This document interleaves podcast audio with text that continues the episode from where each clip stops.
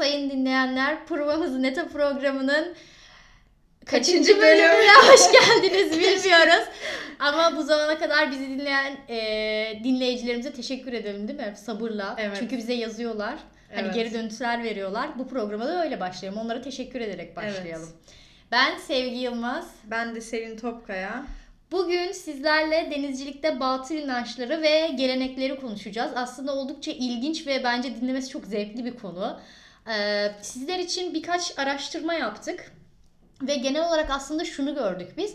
Hani bütün dünyada olan bu usul, bu gelenek, bu inanç hani batıl inanç ya da işte az, önce, az sonra anlatacağımız işte şarap dökmeydi, şişe kırmaydı gibi uygulamalar biraz evrensel nitelik taşıyor aslında. Müzik notası gibi. Evet, evet, evet. aynı. Hani böyle yani asli asli olan böyle yerel geleneğin üstünde e, bir şey nasıl diyeyim sergiliyor bize. Yani böyle bir tutum sergiliyor açıkçası. Böyle bir karakteri var. Böyle bir özelliği var.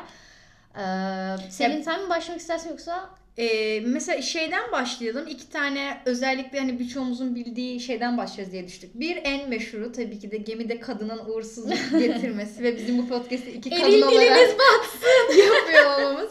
İkinci olarak da benim de bugün çok fazla yazdığım bir şekilde gemiye isim verme o şarap kırma muhabbetini anlatalım istiyorum. Evet. Ee, ilk kadından başlayalım mesela. Hani kadın neden Evet, kadın. kötü olarak gözüküyor yani? Neden uğursuzluk olarak gözüküyor? Şimdi aslında bunun bir batıl inanç seviyesinde yorumlayabileceğimiz kısmı var. Bir de e, hayatın gerçekleri var. Batıl inanç kısmı şu. Biliyorsunuz gemiler her zaman kadın olur ya da hani buna dişi de diyebiliriz ve bu yüzden kadın isimleriyle adlandırırlar ve gemilere de kadınlar isim verir. Bu yüzden e, geminin içerisinde bir kadının alınması geminin de ruhu kadın olduğundan dolayı bir kıskançlık yaratacağı ve bunun da problem e, çıkarabileceği düşünülüyor. Uğursuz getirebileceği düşünüyor ama hani e, bildiğimiz kadarıyla tarihten aslında bunun sebebi gemide o kadar erkek arasında kadın olmanın e, itilaf yaratabileceği ve hani o aylarca yola çıktığınız yerde ekip mürettebat arasında bir tartışmanın da her halükarda gemiye kötülük getireceği aslında. Evet. İkinci olarak da gemiye isim verme ve bunun ritüeli ki bu bugün hala daha devam ediyor ve hani sadece Amerikan ya da İngiliz donanmasında değil yani bugün bir bilen kişi kendisine bir yelkenli tekne aldığı vakitte de Pruvası'nda e, şampanya kırma eylemini gerçekleşiyor. Yani bu bitmiş bir şey değil. Onun e, biraz tarihinden bahsetmek istiyorum. Ee, ki ya çok da eskiye dayanıyor aslında yani. Bunu farklı şekillerde. Şimdi biz bugün aslında devam eden hali şampanya kırmak. Ama bunun öncesinde e, işte kırmızı şarap olsun ya da genel olarak kurban etme ayinleri vardı. Mesela Osmanlılar'da aslında bu önce bir Allah'a duadan sonra e, koçların kurban edilmesi şeklinde yapılıyordu bu. Hem isim verme hem de sonra denize indirilme. Çünkü alkol haram olduğu Evet. için. Aynen öyle. Ama Hristiyanlık dinlerinde ve e, bu şu an günümüzdeki üç büyük dinin öncesinde yani milattan önceki dönemde yine içkili bir şekilde bunun olduğunu görüyoruz. 17. yüzyılda da şöyle bir uygulamaya geçiliyor İngiltere'de. Pahalı bir metalin içerisinde altın kaplama büyük bir kap ve pahalı bir metalden yapılıyor. Ona şarap konuluyor ve e, bu şarap içiliyor e, indirilirken denize doğru ve daha sonra bu metal de denize atılıyor. Ama sonra şöyle komik bir şey oluyor. Çok fazla gemi oluyor ve çok fazla denize atmak gerekiyor bu metalleri ve diyorlar ki ya bu çok büyük bir para. bunu, sürekli, bunu sürekli yapmamıza gerek yok diyorlar ve bu uygulamayı değiştiriyorlar. Sizce de bir şeyleri yanlış yapmıyor muyuz? Kesinlikle öyle ve o zaman da hani şaraba e, dönüş başlıyor. Yani bu metal kırılan şişeye dönüşte başlıyoruz. Burada mesela farklı ülkelerde birazcık e, farklı uygulamalar var. Ha, bunu da şunu da söylemeden geçmeyelim.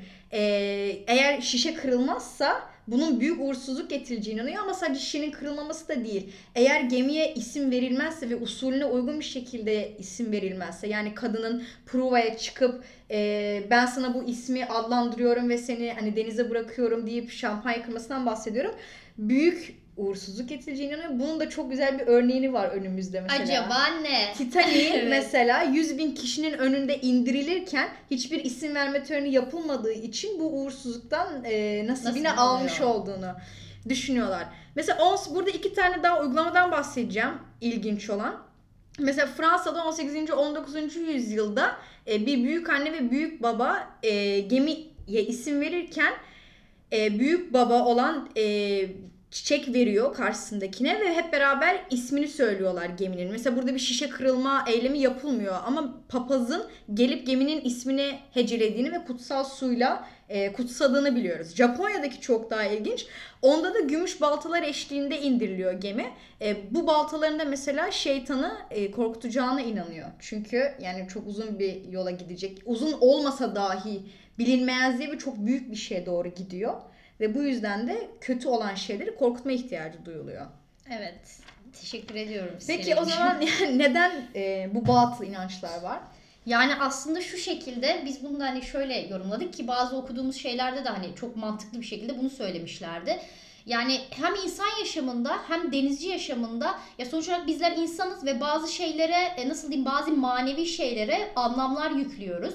E, ki hani dini inançlar da bunlardan bazıları mesela. Ve bu e, karşı yani günlük hayatımızda karşımıza çıkan bazı olayları bazı şeylerle ilişkilendirme ya da bazı şeylere anlam ithaf etme bizi bir yandan rahatlatıyor bir yandan da bazı kötülüklere karşı sanki önlem almış gibi bir hissiyat uyandırıyor ve bizi rahatlatıyor aslında dediğim gibi.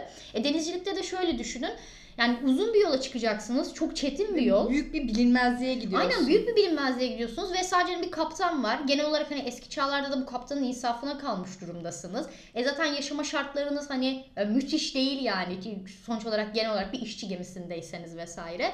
Yani bu yüzden bazı şeylere anlam yükleme ihtiyacı hissedebiliyorsunuz ve zaman içerisinde de hani denizcilik sonuç olarak küresel bir meslek olduğu için de hani birbirlerinden etkilenerek bu e, yaptıkları şeyler bir ritüel haline dönüşebiliyor. Bir e, inanç ve gelenek haline dönüşebiliyor ve bu şekilde sürdürülebiliyor yıllarca. Hani bunun mantıklı açıklaması aslında bu şekilde yapılabilir. E tabii ki bugünkü teknoloji pusula dediğimiz şey bile yani denizcilik için bu kadar aslında geç bulmuşken ve siz gerçekten yıldızlara bakıp yolunuzu bu şekilde bulmaya çalıştığınız bir ortamda tabii ki de kendinizden daha büyük bir şeye ya da somut olmayan daha soyut bir şeye inanma Hı hı. ihtiyacı sizi psikolojik olarak bütün bu yolculukta aynı zamanda dinç tutacak bir şey. Kesinlikle. Ya bir de hani bir aidiyet de hissediyorlar sonuçta. O denizcilik kültürüne olan bir aidiyet hissetmiş oluyorsunuz. Bu da önemli bir şey bence. Ya zaten hani şu an e, genel olarak konuştuğumuz ve konuşacağımız şeylerde de şunu görüyoruz. Hani geminin inşaat sürecinde bazı önemli günler var. Ve bu önemli günlerde aslında bu uygulamalar da yapılıyor. Ne mesela? Geminin ilk kaynağının yapılıyor olması. Hani ilk kaynağı vurulduğu gün mü artık yapıldığı gün mü ona ne deniyorsa ya da kızağa konulması önemli bir olay. Onun adının verilmesi az önce senin bahsettiğin gibi ki bu baya en önemli olanlarından ve tabii ki denize indirilmesi. Burada da en görkemli ve duygusal olan e, gelenek aslında yani burada yapılanlar. Ee, az önce yine senin dediğin gibi hani buralarda şampanya şişesi patlatılması bunun kökeninde aslında hani gemiyi kutsama yani Hristiyanlık inancında da olan onu bir ona bir hayat iyi bir hayat ve iyi bir ruh kazandırma ya da işte tanrılara hani kurban verme gibisinden. Ya çünkü neden açık denize çıkıyorsun? Çok fazla fırtına var. Çok büyük fırtına var. Neptüne, Poseidon'a bir şey aynen vereceksin. Neptün'le Poseidon'a mesela e, şey veriyorsun hani aslında bir kurban veriyorsun. Bir Hı hı. öde ödeme İşte veriyorsun Bunun yani aynısı onlara. şeyde de var. Gemi giderken yani seyir halindeyken e, açılan ilk içkinin de işte bir yudumunun denize yine. Poseidon'u ya da Neptün'e işte Yunan ya da şey e, Roma mitolojisine göre e, verilmesi de var. Bu arada hazır aklıma gelmişken bu ilk şampanya ile yapılan e, tören de 1890 yılında New York'ta Maine e, adlı askeri gemi için yapılıyor. Yani şampanya olması yani. Yoksa bu ritüel Hı hı. çok eski de yani şampanya olarak yapılması. Çünkü aslında burada bir şampanya tarihi de var. Yani şampanyanın bir güç gösteri olarak, güç Evet. e, gösterme aracı olarak kullanılması falan filan. Yani sadece gemi için değil, yarışlar öncesi falan filan. Bunun hani öyle de bir hikayesi var aslında. Doğru. Bir de e, en ilginçleri mesela seyir halindeyken aslında olan uygulamalar, batıl inançlar, seyir sırasında neye inanıyorlar, neyi yapıyorlar, neyi neden yapmıyorlar Evet. mesela. Mesela seyir sırasına geçmeden önce daha seyire çıkmadan bir şey söylemek istiyorum. Henüz diyelim ki sefere çıkmadı. Hı hı. Yani eski denizciler. Seferden önce kendilerine şans dilenmesi onlar için kötüye işaret Hı hı. olarak kabul ediliyormuş. Hatta bu durumda da bu uğursuzluğun geçirilmesi için kan dökülmesi gerekiyormuş. Ha, bil bakalım bunu ne yapıyorlar? Tabii ki onu şans dileyen kişinin genelde burnuna yumruk atıyorlarmış ve kan dökülüyormuş. Hani böylece de o uğursuzluğun giderildiğine inanılıyormuş aslında ve yolculuk başladıktan sonra da arkaya dönüp bakılmasından Hmm, kaçınılıyormuş. Aynen. İskele Evet. tarafından. Hani bakılmaması gerekiyormuş. Bunun da aslında bir kötü e, ne- denir? Kötü şans. Aynen kötü şans getirdiğine inanılıyormuş. Evet. Şey de var mesela kızıl saçların da e, uğursuz olduğunu düşünüyorlar. Ve hani o kadar yani sadece geminin üzerinde olması değil mesela seyir öncesi karşılaşmak da uğursuzluk olacağı için ama mesela onu yenmenin de yolu şuymuş. E, mesela sen kızıl saç biriyle mi karşılaştın? Senin o seninle konuşmadan hemen önce senin onunla konuşmaya başlaman lazımmış bu uğursuzu. Vay bu bilmiyordum. İyi ki saçlarını boyatmışsın o zaman. Nasıl denizci olabilirdin? Evet kesin insanların düşünsene gittiğim her yerde ve sahil tarafında herkes benimle konuşuyor. Ben de vay çok Ne kadar popülerim. seviyorlar beni. Kesinlikle öyle. Evet. Biraz da işte seyir sırasında ne yapılıyor, ne ediliyor. Aslında şeyden başlayabiliriz. Bu da çok denizci kedileri de aslında çok bilinen meşhur bir kavram. Evet. Denizci kedilerin kedilerin de kadınlar konusunda bahsettiğimiz gibi iki tane yönü var. Bir daha işte mistik, batıl inanç olan kısmı, bir de daha gerçek boyutu var. Mistik inanç boyutu hani kedilerin kutsal canlılar olduğunu, e, fırtınalardan koruduğuna inanıyorlar. Ama asıl sebebi mesela haşere kontrolünü geminin içerisinde sağlamak için kedilerin onu özellikle yani fare gibi e, canlılardan gemiyi korumak için e çünkü yani sen mürettebat olarak kovalayamayacağın için o hayvanı kedilerin kullanılması var en meşhurlarından.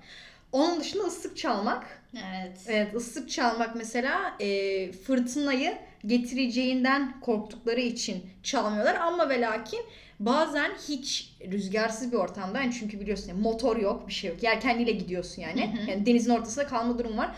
O durumlarda mesela hani çağrılma cüretinin gösterildiği de oluyormuş.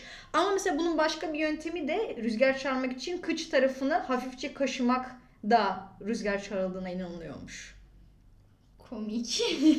İlginç yani. İlginç. Hani ne kadar tabii bugün hala devam ediliyor bilmiyoruz. Ad verme töreni e, ve bazı şeyler dışında e, bunların hala Yerel daha devam anlam- edip etmediğini. Yerel anlamda devam ediyor olabilir muhtemelen hani. Peki yani mesela bir isim verme töreni var. Bir de isim alma töreni var. Yani isim değiştirme de var. Yani isim değiştirme aslında uğursuz olarak sayılıyor ama ancak siz geminin adını hani bunun adı sevgiyi de biz bunu şimdi Selin yapıyoruz derseniz uğursuz oluyor ve bunun da bir yöntemi var. Mesela ilk başta ha bu arada neden uğursuz sayılıyor geminin isim değiştirmesi? Çünkü tanrıların gemileri isimleriyle tanıdıkları ve isimle tanıdıkları için koruduklarını düşünüyorlar. Ve eğer ki geminin ismi değişirse onu daha fazla koruyamayacaklarını aynen öyle koruyamayacakları düşünüyor. Burada da böyle bir uğursuzluk var mesela. Ee, bu da nasıl yapılıyor? İlk başta geminin orijinal isminin yani ilk isminin ya, i- ismini bir kağıda yazıyorsunuz ve onu bu kutuya yerleştiriyorsunuz. Daha sonra da o kutuyu alıyorsunuz, yakıyorsunuz ve küllerini denize boşaltıyorsunuz. Sonrasında ilk başta saydığımız gibi tekrardan bir e, provaya çıkma, şampanya kırma, seni Ritüel. aynen adlandırıyorum ve denize bırakıyorum aşaması var. Ancak bu şekilde isim değiştiriliyor tekrardan. Peki iyiymiş bu da. Ya biraz zor ama yani ya denize çıktığın için yapılmayacak yani o riski almaya değmez onu söyleyeyim. yani ben. evet ben olsam yapardım Kesinlikle açıkçası. Yani bir 10 yapardım. dakika falan. Kesinlikle yapardım yani. Ondan sonra da e, sanırım alıp bir yere mi koyuyor? Ha şey vardı. Sadece yani geminin ismini yazmak değil, geminin isminin yazılı olduğu işte etiket olur, işte kılıf olur. Yani kılıfa özel yazdırdıysan mesela bir yastık için şuydu buydu. Onların hepsini de aynı şekilde e, Yapıyorsun. aynen silmen. Atıyorsun. Hayır atman gerekmiyor. Silmen, yok etmen gerekiyor yani Anladım. diyeyim. Bu Tamam. uğursuzluğu şey yapmak için. Evet. Kadınlardan mı devam edeceğiz yoksa? Ya kadınlarda bir de hani şeyi söyleyebiliriz. Ee, kadının uğursuz olduğu düşünülüyor ama yarı çıplak kadının da denizleri sakinleştirdiğine inanılıyor. O yüzden mesela gemilerin ön kısmında e, hani bu heykelcikler olur ya muhakkak ki işte filmlerden aklınızda kalmıştır. Onların yani o kısımlarda e, kadın özellikle yarı çıplak kadın figürün olduğunu gö- görüyoruz. Bu arada bu heykelleri de hani merak ediyorsanız e, figureheads on ships gibi hani Google'a yazarsanız eğer orada da bir sürü örneğini görebilirsiniz. Yani bizim de şu an önümüzde açık mesela. Çok iyi bir sayfa mutlaka bakın. Evet. evet şimdi aa, bir, bir şey daha vardı sanırım. Sen ondan da bahsedecektin. Sonra ben araya girmek istemiyorum o yüzden. Hayır, ben şimdi e, şeyi söyleyecektim unuttum. Mesela 1796 yılında İngiltere'de kaldırmak istiyorlar o figürleri, baş figürleri. Hı Ve e, yapamıyorlar çünkü gemiciler baş figürü olmadan bir geminin uğursuz olacağını düşünüyor ve kaldıramıyorlar, devam ediyorlar sonra. Örgütlü mücadele. E kesinlikle. e sen sonuçta kaldıran erk gitmiyor denize yani Evet, gemici gidiyor. Doğru. doğru. Evet. Bir de şey var sanırım. Ee, bu eggshells dediğimiz Ha, evet. cadı olayları. Evet evet o da çok ilginçti. Bence bayağı ilginç. Bulduklarımız arasında e, yumurta yenileceği vakitte yumurtanın e, kabuğunu çok çok küçük parçalara ayırmanız gerekiyor. Bunun sebebi de gemiye cadıların gelip cadıların o yumurta kabuğu üzerinde de hareket etmesini işte burada sailing olarak geçiyor. Yani kabuk üzerinde e, hareketini engellemek için cadıların cazibe merkezi olmasın kabuklar diye çok ufak parçalara ayırma gibi ritüeller de var mesela. Evet mesela bu değil. Ben bunu ilk kez duymuştum mesela. Evet. Ben de muzu ilk defa duydum. Evet. Şimdi mesela evet o muz da garip bu arada ama o muzun da bir açıklaması var. Evet, tarihi bir Evet. açıklaması. Ya muzdan önce bir hani bu e, Aziz Elmo ateşi var olayı. Bu da bence çok güzel. Ya şimdi eski denizciler arasında uğurlu bir işaret sayılıyor bu. Ve fırtınalı havalarda da nadiren gerçekleşiyor aslında. E, ismini denizcilerin koruyucu Aziz'i Formiyalı Aziz Erasmus'tan alıyor. Aslında bu yani bir elektrik olayı. Yani havadaki güçlü elektrik alanıyla geminin direkleri arasında hani olan bir elektrik boşalması neden oluyor bu ışıklara. Hani bu boşalma sonucunda da ortaya böyle mavi tarzda mavi tırak bir ışık e, yayılıyor ve denizciler de bunu koruyucu azizlerinin kendileriyle beraber oldukları şeklinde işte hani yorumluyorlar. E, Sonra bunlara hani değişik isimler veriliyor tabii ki. Mesela Antigrek'te işte Helene, e, ışık çiftlerine şey deniyor işte. Castores, Polydeukes falan deniyor. Böyle garip isimler. Sonra e, şeyde Tanrı Zeus'un oğulları ve Grek denizcilerin koruyucusu olduklarına inanan Dioskros de, diyenler var. Romalılar da şey diyor bunlara hani Gemini, e, ikizler. Bu burçta da olan aynı isim mesela. Sonra onun haricinde Galli denizciler bu ışıkları ruh kandilleri ya da ruh kutsal ruh kandilleri olarak e, adlandırıyorlar mesela. Onun haricinde mesela e, Zenkhe diye bir amer, e, amiral var. Tam olarak nasıl okunduğunu bilmiyorum. Zenkhi diye de okunuyor olabilir. Bu ışıkları denizcilerin tanrısı, tanrıçası Tianfei'nin ilahi işareti olarak da niteliyor. E, Portekizliler de mesela Hazreti İsa ile ilişkilendiriyorlar bunu. İşte o yüzden Corpo Santo diyorlar. Yani kutsal Hmm. beden deniyormuş. Yani aslında bir elektrik boşalmasının şu anda hani tarihi serüven içerisinde belli başlı kültürlerde yoğrularak ne anlamlara geldiğini görüyoruz ve aslında çok ilginç bir şey ve Evet. bence aslında çok da güzel ve çeşitlilik sağlayan bir şey. Çok hoşuma gitti benim açıkçası. Ya mesela Rus denizciler de bunu direkt hani şey Aziz Petro'yla Aziz Petro ışıkları diyorlar buna ya da Aziz Nikolas ışıkları diyorlarmış. Mesela işte yelken çağında da e, bu Aziz Elmo ateşi kötü şansa da yoruluyormuş hani bazı e, şeylerde ama genel olarak iyi olduğuna Kara kedi de mesela İngilizler için uğurluyken diğer bütün kültürlerde uğursuz anlamına geliyor. Mesela, mesela bu tarz şeyler. Ya aslında bu biraz da kültürel yani Hı hı. aslında. Ya yine dediğimiz gibi insan olmanın getirdiği şeyler bunlar bize biraz da. Ya bu yani çok ilginç. Müzik notası gibi yani mesela e, 10-15 tane milletten adamı alıp bir gemiye koysan ve hiçbiri aynı dili konuşmuyor bile olsa sadece bu şekilde anlaşabilecek durumdalar Evet yani. düşünsene mesela bu ışığı gördüklerinde ağızlarından farklı şeyler çıksa bile Evet. aynı şeyi aslında sü- Aynı e, tepkiyi Aynen verecekler. aynı bağlama oturtmaya çalıştıklarını anlayacaklar. Mesela müthiş bir şey değil mi bu? Bence de öyle. Gerçekten. Onun haricinde mesela muz olayı. Hı. Evet. Ee, şöyle e, aslında e, bu işte muz ticareti yapan birçok kargo gemisinin batması gemide işte muz taşımanın felaket getirdiğine inanılıyor hani bu sebepten ötürü. Bu olay aslında hani şu deniyor büyük ihtimalle muz hasadı zamanıyla fırtına zamanlarının aynı dönemlere denk Hmm. gelmesinden kaynaklanıyor. Yani muzların uğursuz sayılmasının bir diğer nedeni de şöyle muz taşıyan gemi- gemilerde ölüm oranları çok fazla oluyormuş. Ama bu da şu yüzden muzlar zaman içerisinde bozulduğu için orada ortaya çıkan bir gaz var ve bu gaz da aslında hani metan gazı tarzında zehirli bir gaz. E, geminin altta, altında yatan mürettebat ya da hani köleleri oluyor ya Hı hı. köleler de hani onlarla aynı yerde aşağıda kaldıkları için bu gazdan etkilenerek haliyle ölüyorlar adamlar yani. Ve bu yüzden de aslında gemilerdeki bu muz taşıyan gemilerdeki ölüm oranları fazla oluyor ve bu yüzden de Muz taşımanın. uğursuz bir işaret olarak kabul ediliyor. Hatta bir de şöyle bir şey var. Muz taşırken onunla birlikte gelen yani ne bileyim bu muzların içerisinde yaşayan zehirli bir örümcek türü var. Bu da insanları ısırıp onları hani ölmesine sebep Ama zaten uğursuz bir aslında. şeymiş yani. Hiç Yani evet taşıma hani riskine değmez yani. aynen öyle. Yoksa yemeyin. evet yani işte şu an ben de yani muz olayını anlattım. Muz olayında aslında gördüğümüz gibi e, diğer tarafına baktığımızda Birçok şeyin bir aynen birçok var. mantıklı açıklaması mesela kadınlar için de kediler Ha, için de Aynen ama öyle. Ama insan her zaman mantıklı da olmak zorunda değil. Kesinlikle öyle. Gelin görün ki bunlar da aslında denizciliği, denizcilik yapan, denizcilik kültürünü çeşitlendiren ve denizciliği evrensel hale getiren uygulamalardan bazıları ve iyi ki varlar. o yüzden aslında bunları size anlatmayı tercih ettik bugün. Hem de biraz böyle diğer tarihi ve bilgisel konulara ara verelim diye. Biraz kafamız dağılsın diye açıkçası. Benzerini mesela dövmeler için de yapmak istiyoruz. Çünkü Evet. denizcilik ve dövmelerin de büyük bir e, bağlantısı var. Ama hani onu podcast'ten belki birazcık daha zor olabileceğini düşündük. Çünkü hani görsel nitelikli bir şey olduğu için e, yani görmek herkes için daha sağlıklı. Ben şimdi size burada anlatmayayım. Bakın bir tane dövme var şuna benziyor diye anlatma podcast üzerinden sıkıcı olabilir diye. Ama benzer bir yayını da mesela onlar için yapmayı düşünüyorum. Hemen bir tane örnek vereyim yani. Bence çok ilginçlerden bir tanesi. E, horoz ve dom- domuz dövmesinin şöyle bir anlamı var. Hatta özellikle horoz diye biliyorum. Bunları muhakkak yaptırıyorlar çünkü e, bat yani gemici gemiden düşüp battığı vakitte o dövmelerin onları batırmayacağını düşünüyorlar. Bunun da sebebi şu domuz içgüdüsü olarak yüzmeyi bilen bir hayvan. E, horozlar da aslında şöyle gemilerde horoz taşınırken ahşap bir e, kafeste taşınıyorlar ve o ahşap da suyun üstüne çıkıp batmıyor ya. Kendilerinin de mesela batmayacak duruma gelmeleri için bu dövmeleri yaptırıyorlar. Çok iyi kafalar. Yani öyle birçoğu da çünkü zaten yani yüzme bilmiyor etmiyor falan. Ama mesela bir bölümü de buna ayırmayı düşünüyoruz. Evet. Bu haftalık e, belli başlı batıl inançları hani gemiye isim vermeyi sizlerle konuştuk. Hı hı. Sonraki vakitlerde Aslında biz 3 serilik bir podcast yayını yapmayı düşünüyoruz. Mesela ardı ardına günlerde bu arada. Hatta bunları bu hafta yapmayı düşünüyoruz ama olursa. Hani şimdilik söz verelim değil mi Selin? evet.